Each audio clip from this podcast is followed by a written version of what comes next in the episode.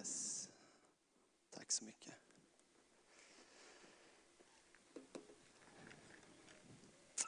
Ja, men det är fantastiskt att få, få komma tillsammans så här en dag och vara inför Guds ansikte och få vara tillsammans konfirmander, eller vad säger ni, eller hur? Yes, och jag känner jag är lite i preaching flow, för jag har predikat från i fredags, så igår var jag faktiskt nere i Småland på lite snabb visit, på lite predikoresa. Och där och då fick jag träffa flera av mina gamla konfirmander som jag hade för åtta år sedan i min första tjänst i en församling i Rörviks frikyrka. Och jag satt där igår och fick träffa dem här, det var ett bra tag sedan jag träffade flera av dem. Och de hade vuxit till sig, en del hade blivit lite mer muskulösa, några har fått lite skägg. Och eh, ja, den känner jag knappt inte igen. Och så fick jag lyssna vad de gjorde i livet idag. Någon studerade till lärare, någon skulle bli byggare, höll på att snickra. Eh, någon jobbade på ICA. Någon skulle bli ungdomspastor faktiskt nu. Men det fantastiska var med de flera av de flesta fick träffa var att det brann fortfarande en eld inom dem. En tro som levde. Och jag åkte hem igår, jag var lite trött, var glad jag hade med Jakob Forsberg som körde. Men jag var glad och tacksam att det händer någonting i människor i unga liv och att de får bära med sig det hela livet. Och jag ser fram emot att träffa er om åtta, tio år och se var ni är på väg och få följa er och se, wow! Och jag vill heja på er, jag vill vara er största heja, heja klack cheerleader liksom. Jag kommer se fram emot vad ni kommer göra och Gud kommer vara med er, han kommer bevara er, han kommer ta hand om er och det kommer gå er väl om ni följer hans ord. Amen. Vi är inne i en serie här som heter Saker kristna gör. Och eh, vi har snackat om, från, utifrån Jakobsbrevet, och vi har talat om att vara ordets hörare och görare, att vara givare. Och idag så ska vi tala om att snacka snyggt, är dagens rubrik att snacka snyggt. Vi har liksom, gänget här har liksom klätt upp sig lite extra och kände jag måste hänga på här lite idag. Man får göra sitt bästa för att se lite snygg och liksom stilig ut. Men det som verkligen är viktigt är hur vi talar i livet. Att snacka snyggt. Vi kan snacka mycket skitsnack, men vi kan snacka snyggsnack. Vi ska snacka, eh, snacka mer snyggsnack, det var svårt att säga. Vi ska snacka mer snyggsnack helt enkelt. Eh, vårt språk är så viktigt, vad vi talar. Eh, ord kan vara tröstande, eller hur? Men ord kan också vara så enormt sårande. Ord kan liksom väcka enorm glädje, så man bara säger tjoho! Men ord kan också göra att du blir full av irritation och känner oh! Jag tror vi alla har upplevt och känt både och. Och vi kommer göra det hela livet på olika sätt. Vi ska läsa från kapitel 3 i Jakobsbrevet. Och vi gör så här i kyrkan, vi brukar stå upp när vi läser dagens text. Så varsågod och stå upp tillsammans. Så läser vi här och det finns på texten här bakom mig. Det står så här. Rubriken är Den elaka tungan. Mina bröder, inte många av er bör bli lärare. Ni vet ju att vi ska få en strängare dom. Vi begår alla många fel. Om någon är felfri i sitt tal är han en fullkomlig man som också kan tygla hela sin kropp. När vi lägger betsel i munnen på en häst för att han ska lyda oss styr vi, styr vi också hela hans kropp. Se också på fartygen som är så stora och drivs av hårda vindar. Ändå styrs det med ett litet roder dit rosmannen vill. På samma sätt är tungan en liten lem som kan skryta stort. Tänk på hur en liten eld kan sätta en stor skog i brand. Och tungan är en eld, en värld av ondska bland våra lemmar. Den smutsar ner våra, hela vår kropp och sätter hela livet i brand och får själv sin eld från Gehenna. Alla slags fyrfotade djur, fåglar, kräldjur och vattendjur låter sig tämjas och har blivit tämjda av människan. Men tungan kan ingen människa tämja. Den är ostyrig och ond och full av dödligt gift. Med den välsignar vi Herren och Fadern och med den förbannar vi människor som är skapade till Guds avbild. Från samma mun kommer välsignelse och förbannelse. Så får det inte vara mina bröder. En källa kan väl inte från samma åder ger både sött och bittert vatten, mina bröder. Ett fikonträd kan väl inte ge oliver eller ett vinstock ge fikon. Inte heller kan en saltkälla ge sött vatten. Varsågod och sitt. Detta är dagens text som vi ska predika från. Texten börjar med att vi begår alla många fel. Och det tror vi alla kan liksom säga ja på. Vi har gjort fel när det gäller med att säga saker som har blivit pannkaka många gånger. Ingen är felfri, ingen är fullkomlig. Det finns bara en som har varit fullkomlig. Han är Jesus Kristus. Ord har en enorm kraft att skapa. Att skapa någonting i ett rum. En som går in och kliver in i ett rum kan skapa en atmosfär med ett ord av liv. En som kliver in i ett rum kan göra att hela atmosfären bara sänks med ett ord. Gud skapade hela världen med ord. I första Mosebok läser vi att Gud sa, var det ljus? Och det blev ljus. Ord har kraft. Så med våra ord tror jag vi kan vara med och plantera saker. Vi hoppas att vi har fått vara med och plantera saker utifrån Guds ord och in i era liv, konfirmander detta året. Vi kan plantera saker på våra arbeten, våra kollegor, i vår församling, i andras liv. Men vi kan också rycka upp saker med våra ord i andras liv. Planter, någonting som växer i människors liv. Jag önskar att jag skulle få vara det med en böne, en vattenspridare. Som står där. Ni vet man ställer ut i trädgårdslandet. Som liksom sprider ut vatten så det kan få växa. Det skulle kunna vara din liksom bild att få vara en vattenspridare där du är. När du är med i liksom städgruppen här eller serveringsgruppen, när du går till jobbet, när du är med på ett bönemöte, där du är. Där du sitter och fikar bland grannar kan du få vara en vattenspridare som sprider liv så andra får växa. Ordspråksboken 12.18 säger så här. Ord från en tanklös kan hugga som svärd. Det visas tunga ger läkedom. Tänk vad lätt det är ibland att säga ett ord som snubblande lätt kom ut i munnen. Och på något sätt så bara tänkte du nej, på något sätt skulle du bara önska om du kunde vrida tillbaka tiden eller kunde på något sätt med en fisketråd dra tillbaka det ordet igen.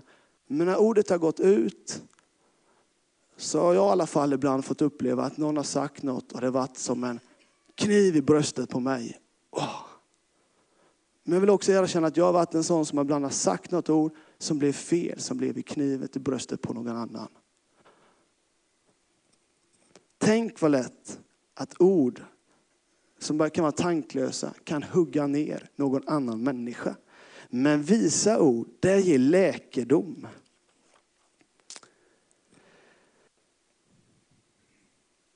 Vi läser vidare texten här att om ett betsel i munnen på en häst och att ett litet rod kan styra en helt fartyg.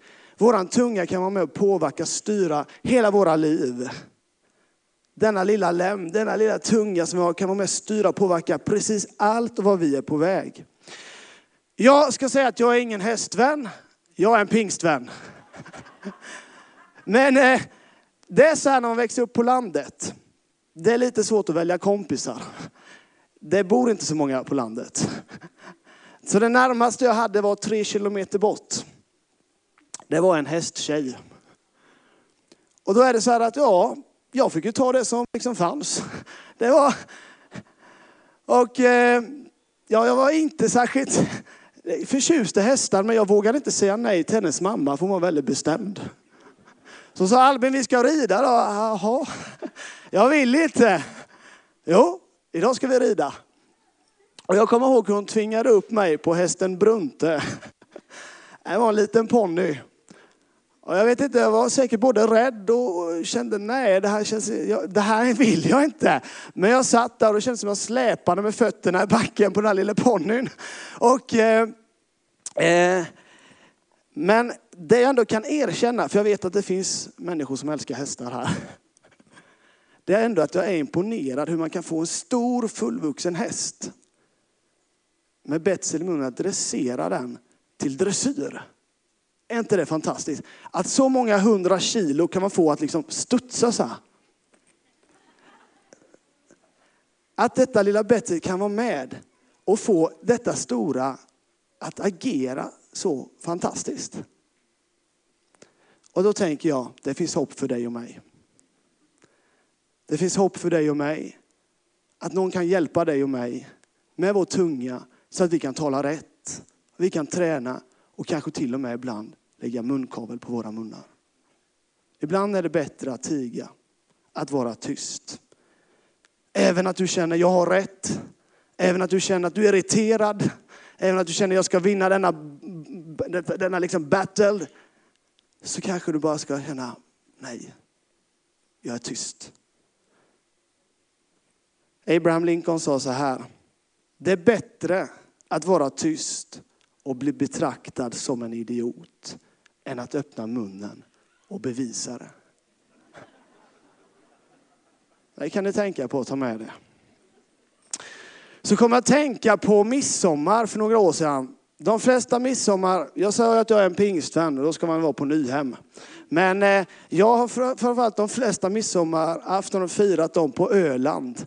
Bland många människor som inte bekänner sig som pingstvänner.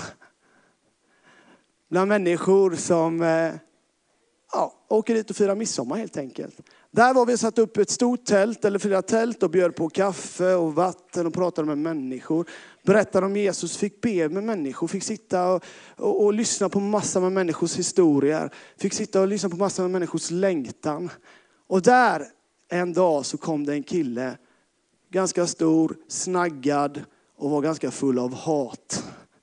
Och vill tömma över över oss. Men det fantastiska är budskapet med Jesus Kristus. Med den kärleken som utgår från korset. Att det sker någonting i mötet och när vi liksom börjar tala hans kärlek. Det bryter ner de mest liksom hårda orden. Och det som skedde med den här killen var att han fick uppleva Guds kärlek. Han hade varit mycket i nazistiska rörelser och grejer. Och han var så full av hat när han kom. Men så fick han uppleva det livsförvandlade kärleken här på insidan, något som skedde i hans innersta. Och han flyttade typ in i vårt tält. Han vill bara vara bland oss. Han sa det är så gött att sitta. Jag har aldrig upplevt det här. Den här frid, det här frid sa han inte, men det här lugnet. Det är bara, det är gött att bara sitta här. Så vi fick sitta ner. Och min kompanjon Simon, han sa jag tar mig an den här killen. Så han sa imorgon ska du och jag gå runt på och träna på att tala gott till människor. Alltså jag vet inte hur man gör. Så de gick runt på campingen, min vän Simon och den här killen. Och så skulle han träna på att säga en bra sak till en annan människa. Och det var väldigt fascinerande att se dem gå runt på den där campingen bland tusentals andra. Och så fick han säga, hej, vad kul att se dig. Han hade typ aldrig lyckats, hur säger man det? Och sen sa nu blir jag arg inombords. då ber vi lite. Så bad de tillsammans där. Så gick de runt en dag och tränade på hur man talar gott till andra människor. Gud kan förvandla våra innersta. Och sen behöver vi bara liksom träna och vara i bra miljöer med andra som kan hjälpa oss att tala gott. På samma sätt så vidare läser vi att vår tunga kan sätta, liksom, en liten eld kan sätta en hel skogsbrand i brand. Ett ord kan liksom tända både liv men tända ner och eld på saker och ting. Vårt ord är som en livsfarlig bazooka brukar jag säga ibland till ungdomarna. Det kan utsläcka liv. Vi bär på någonting som vi måste vara försiktiga. Bibeln säger att vår tunga har makt över död och liv. Men tänk också att våra, liv, våra ord kan skapa liv, att människor får blomstra. Jag vet inte om ni har varit uppe på den här, jag åkte upp här för ett antal veckor sedan uppe utanför Surahammar, eller här uppe i skogarna, där den stora skogsbranden har varit. Och jag klättrade upp i det här tornet och kollade ut. Och man såg ju bara kilometer efter kilometer, kanske miltals, med mark som har brunnit upp. Bara för att en liten gnista från en skogsmaskin tände eld på skogen där. En gnista och hela den förstörelsen. Ja, man fick ju till och med hämta smålänningar fick komma upp och släcka elden. Liksom.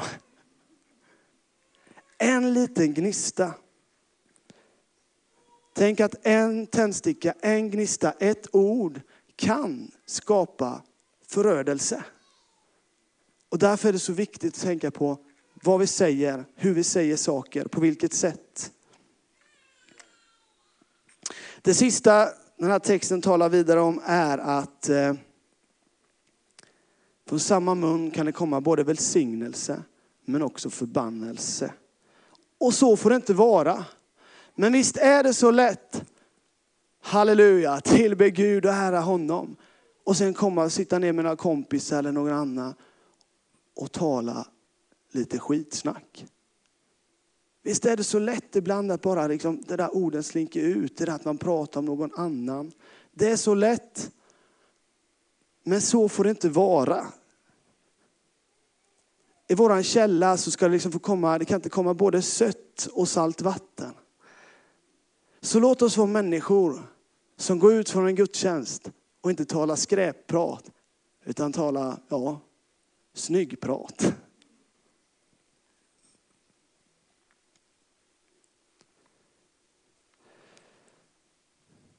Den rättfärdiges mun är en källa till liv.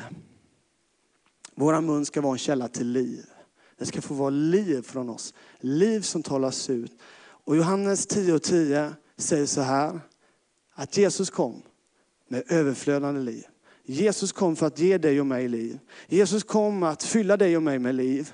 Han kommer att fylla vårt innersta med liv. För det hjärtat är fullt av, det talar munnen. Om ditt hjärta är fullt av bitterhet, om ditt hjärta är eh, liksom skadat på olika sätt, om det finns saker och tankar och mörka och hat, så vill han fylla det med liv och förvandla ditt innersta. För det hjärtat är fullt kommer du tala. Det som bubblar på din innersta, det är det som kommer komma ut.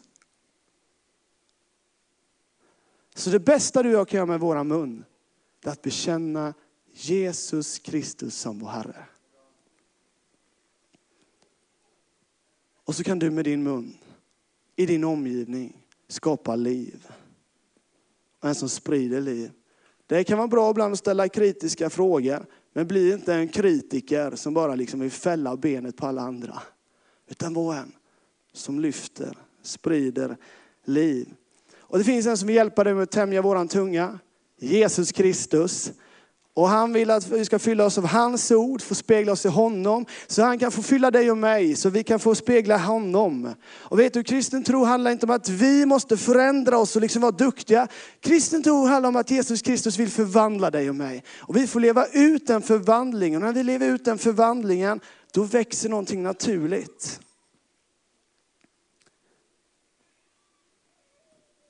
Så kanske det är så att det finns ord som har träffat ditt hjärta. Ord som har sagts för många år sedan. Ord som har sagts i veckan som har skadat ditt innersta. Finns det en som vill läka det, som vill hela dig.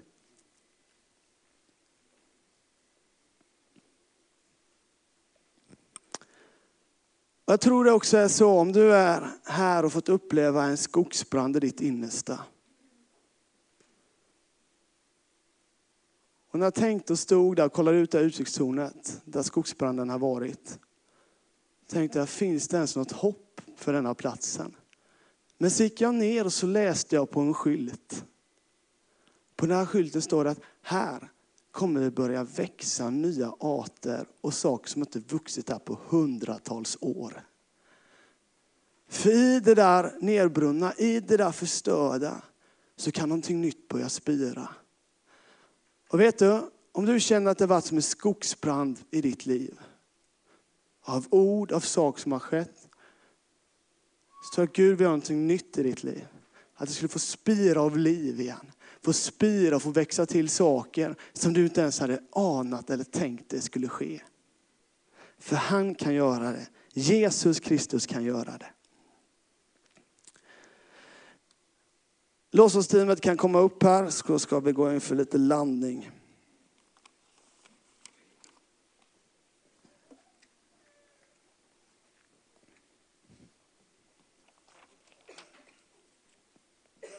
Men jag skulle vilja utmana dig.